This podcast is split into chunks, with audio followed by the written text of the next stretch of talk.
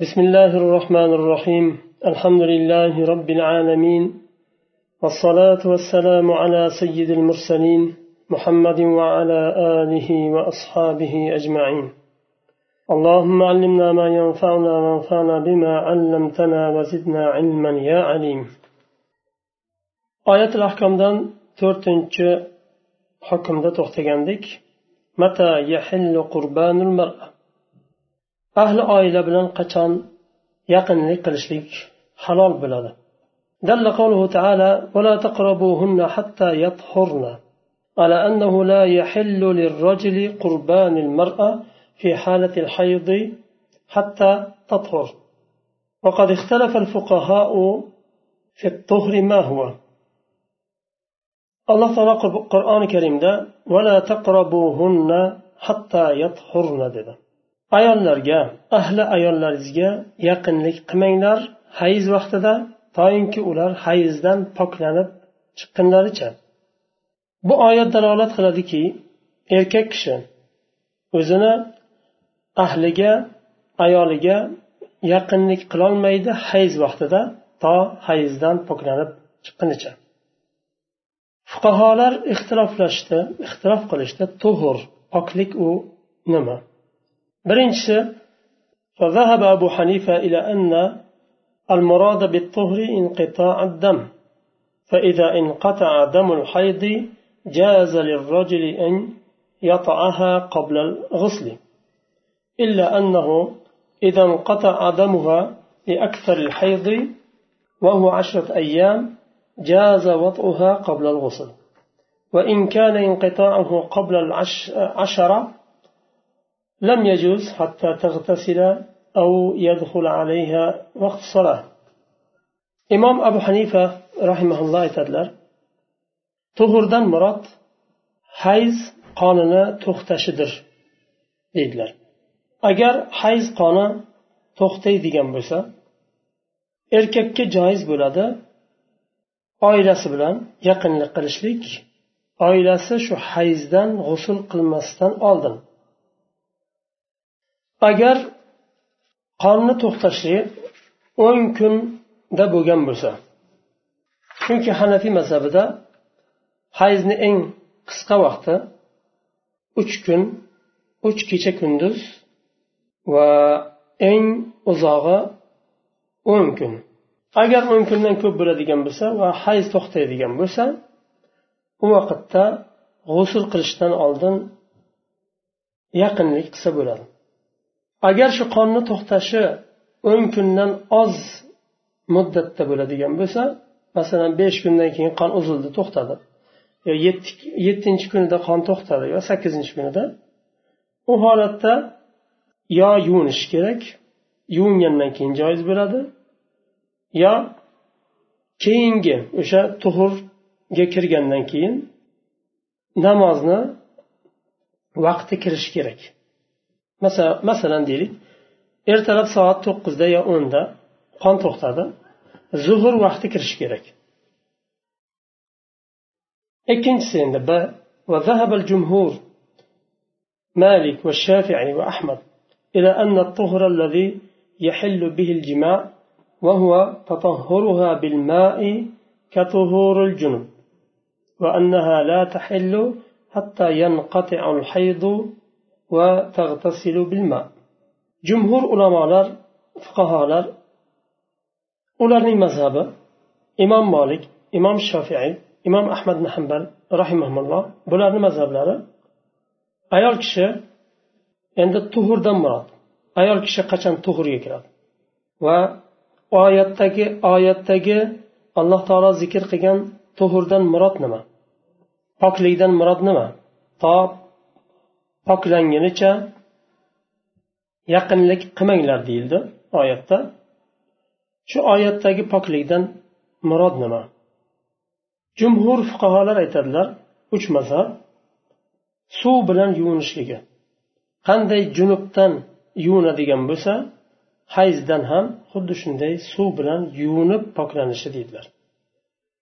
Ayol kishini ya'ni erkak o'zini ahliga yaqinlik qilishligi halol bo'lmaydi magar ikkita narsa bilan birinchisi hayzni to'xtashi va ikkinchisi suv bilan poklanishi yuvinishi ayol kishini bu uch mazhabni hukmi uchinchisi وذهب طاووس ومجاهد إلى أنه يكفي في حلها أن تغسل فرجها وتتوضأ للصلاة imom tovus bilan mujahid rahimaulloh aytadilar ularni mazhabida yuvinishlik shart emas hayz qoni to'xtagandan keyin farjni yuvib tahorat qilishsa qilsa xotin kishi kifoya bo'ladi deydilar وسبب الخلاف أن الله تعالى ولا تقربون ولا تقربوهن حتى يطهرن فإذا تطهرن فأتوهن من حيث أمركم الله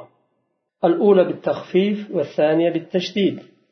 وكلمة الطهر طهر تستعمل فيما لا كسب فيه للإنسان وهو انقطاع دم الحيض. وأما تطهر فتستعمل فيما يكتسبه الإنسان بفعله وهو الاغتسال بالماء. qayerdan kelib chiqdi xilofni ixtilofni sababi nima bir mazhab aytdi. Qon agar to'xtaydigan bo'lsa g'usul qilmasdan oldin ham yaqinlik qilsa bo'ladi dedi. Uch mazhab yuvinishligi shart dedi.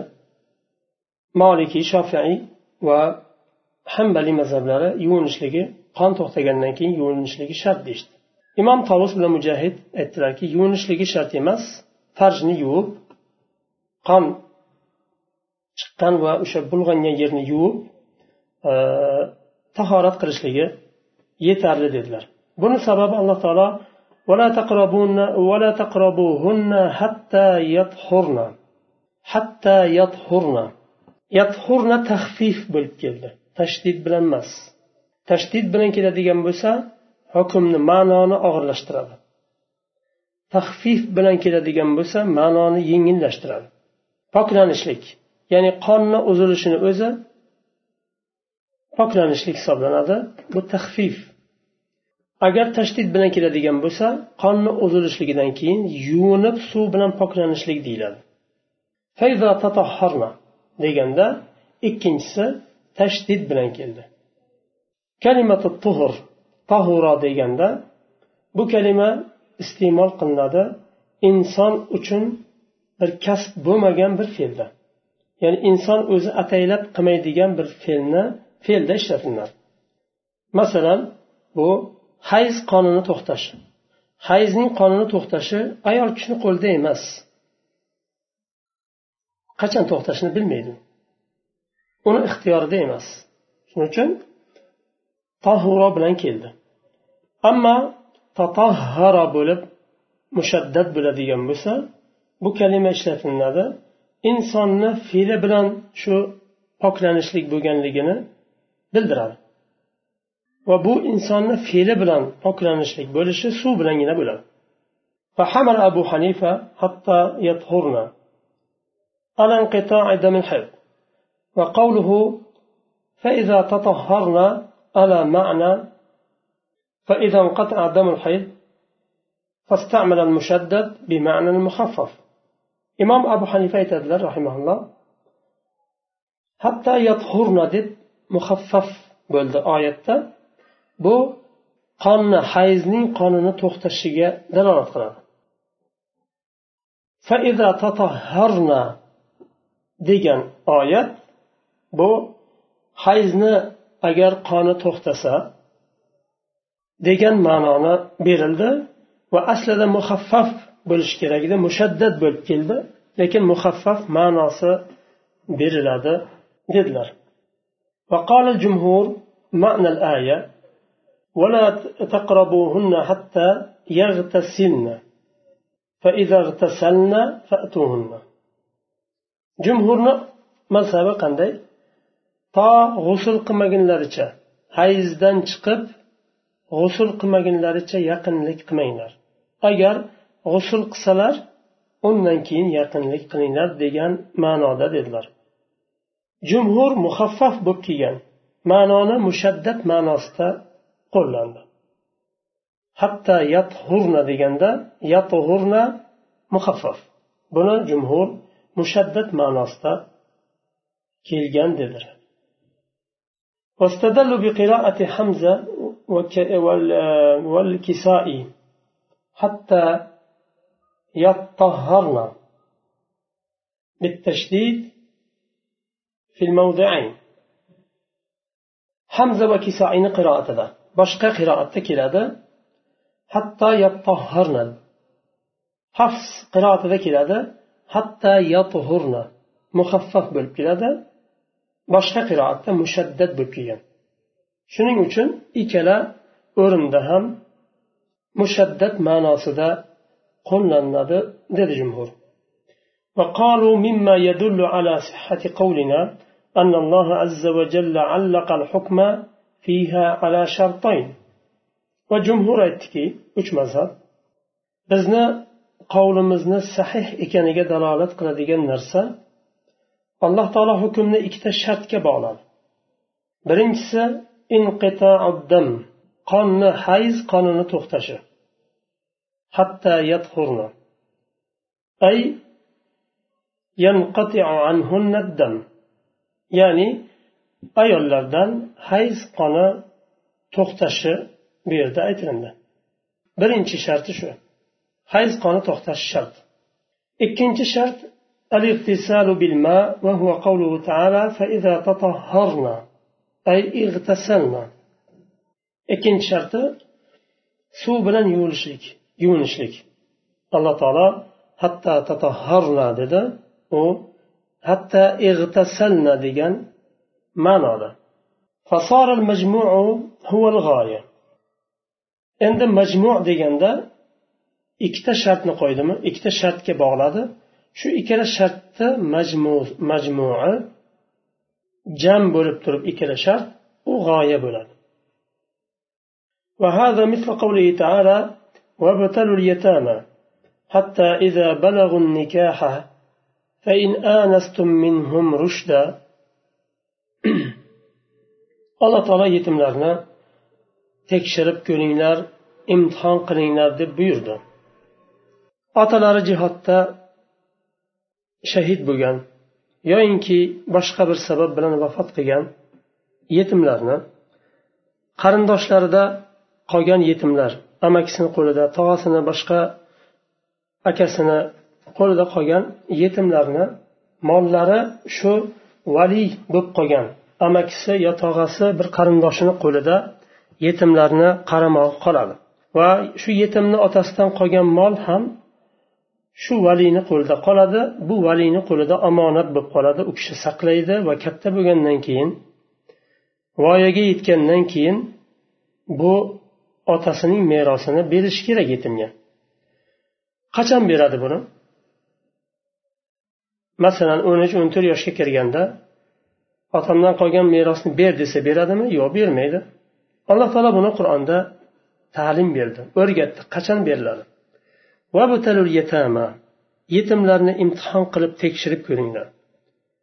Hatto nikoh nikoh yoshiga yetsa ulardan rusht va hidoyat ko'rsanglar. Rusht degani ular yengiltaklik bilan pulini u yoqqa bu yoqqa sochib bitiradigan bo'lsa agar u rushdi yo'q u bolani aqli farosati joyida bo'lgan nikoh yoshiga yetgandan keyin masalan o'n to'rt o'n besh yoshdan nikoh yoshiga yetadi. Uni e, o'n to'rt o'n besh yoshda lekin rushdga yetmasligi mumkin. Ba'zilar o'n to'rt o'n besh yoshga yetmaydi nikoh yoshiga. Masalan o'n olti o'n yetti o'n sakkiz yoshda ham yetishi mumkin. Va rushd kechikishi ham mumkin o'n to'qqiz yigirma masalan. Shunga o'xshagan yetimlarni alloh taolo imtihon qilishga tekshirib sinab ko'rishga buyurdi. Sinab ko'ringlar qo'liga qisman bir pul beriladi bir ishlarga buyuriladi to'g'ri tasarruf qiladimi yo'qmi? Savdo sotiq boshqa o'ziga bir kerakli narsani olish to'g'ri tasarrufotlari to'g'rimi? Rushdi to'g'rimi? Uni tekshiriladi va ikkita shartni qo'ydi. Birinchi sharti nikoh yoshiga yetishlik. Ikkinchi sharti rushd bo'lishligi. Roshid bo'lishligi. Bu ham shunga o'xshagan deb jumhur buni dalil keltiryapti. E, daf'il mal ala shartayn. Alloh taolo ikkita shart bilan yetimni molini yetimni qo'liga berishga buyurdi. Birinchisi bulug'in nikoh nikoh yoshiga yetishlik ya'ni balog'atga yetishligi. Inasur rushd rushdni ularda ko'rishlik aqli fahmi farosati to'g'ri o'zini foydasiga shu molni ishlatib biladi deb bilsa undan keyin yetimni qo'liga shu molni beriladi.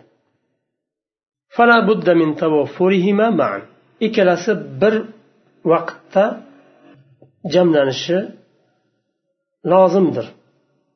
Balog'atga yetishi va rushdga yetishi ikkalasi ham shart.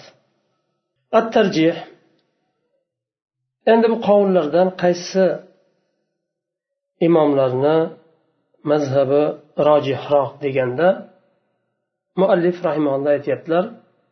Aqul ما ذهب إليه الجمهور هو الأرجح لأن الله تعالى قد علل ذلك بقوله إن الله يحب التوابين ويحب المتطهرين وظاهر اللفظ يدل على أن المراد به الطهارة الحسية وهي الاغتسال بالماء. وهذا الذي رجحناه هو اختيار المفسرين الطبري والعلامة ابن العربي والشوكاني والله تعالى أعلم. مؤلف رحمه الله aytyaptilar jumhurni mazhabi rojihroqdir bu masalada chunki alloh taolo qur'onda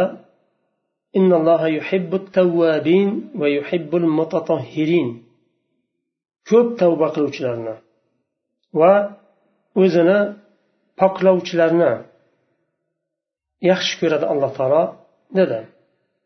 Lafzning zohiri dalolat qiladiki oyatda kelgan tuhurdan murod u hissiy tahoratdir. Qonni hayzni qonini uzilishi emas hayz qonini to'xtashi emas balki to'xtagandan keyin hissiy tahorat suv bilan yuvinishlik murod qilingan deyaptilar. Va biz buni tarjih qildik deyaptilar shayx rahimalloh chunki buni mufassirlar tarjih qildi bu mazhabni imom tobariy va alloma ibn arabiy imom molik mazhablaridan va imom shavkaniy rahimahulloh bu mazhablarni mana jumhur mazhabini tarjih qilganlar.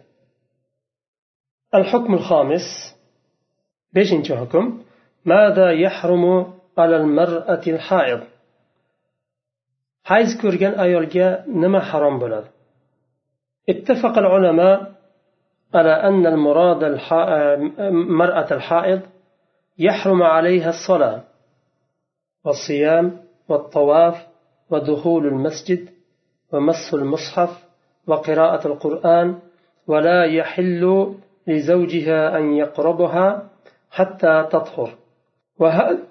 وهذه الأحكام تعرف بالتفصيل من كتب الفقه والأدلة عليها معروفة وهناك أحكام أخرى ضربنا صفحا عنها لأنها لا تستنبط من الآية والله أعلم. Ulamolar ittifoq qilishdi. Hayz ko'rgan ayolga harom bo'ladi namoz o'qishlik ro'za tutishlik baytullohni tavof qilishlik va masjidga kirish mushaf sharifni ushlash va qur'onni o'qish. Bular hayz ko'rgan ayolga harom bo'ladi. Va shu ayolni eri hayz vaqtida yaqinlik qilishligi ham harom bo'ladi. Bularni tafsiloti fiqh kitoblarida o'tadi. Bu kitobda tafsilot berilmaydi faqat ahkomlar mujmal holatda beriladi. Va dalillar bunda ma'ruf va undan tashqari ham boshqa ahkomlari ko'p bu masalalarni biz hozir bu masalalarda to'xtalib o'tirmaymiz deyaptilar shayx rahimalloh chunki bu oyatdan bu masalalar istinbot qilib chiqarilmaydi kerakli narsani biz e, oyatdan chiqardik qolgani qolgan masalalar fiqh kitoblaridan izlanadi سبحانك اللهم وبحمدك أشهد أن لا إله إلا أنت أستغفرك وأتوب إليك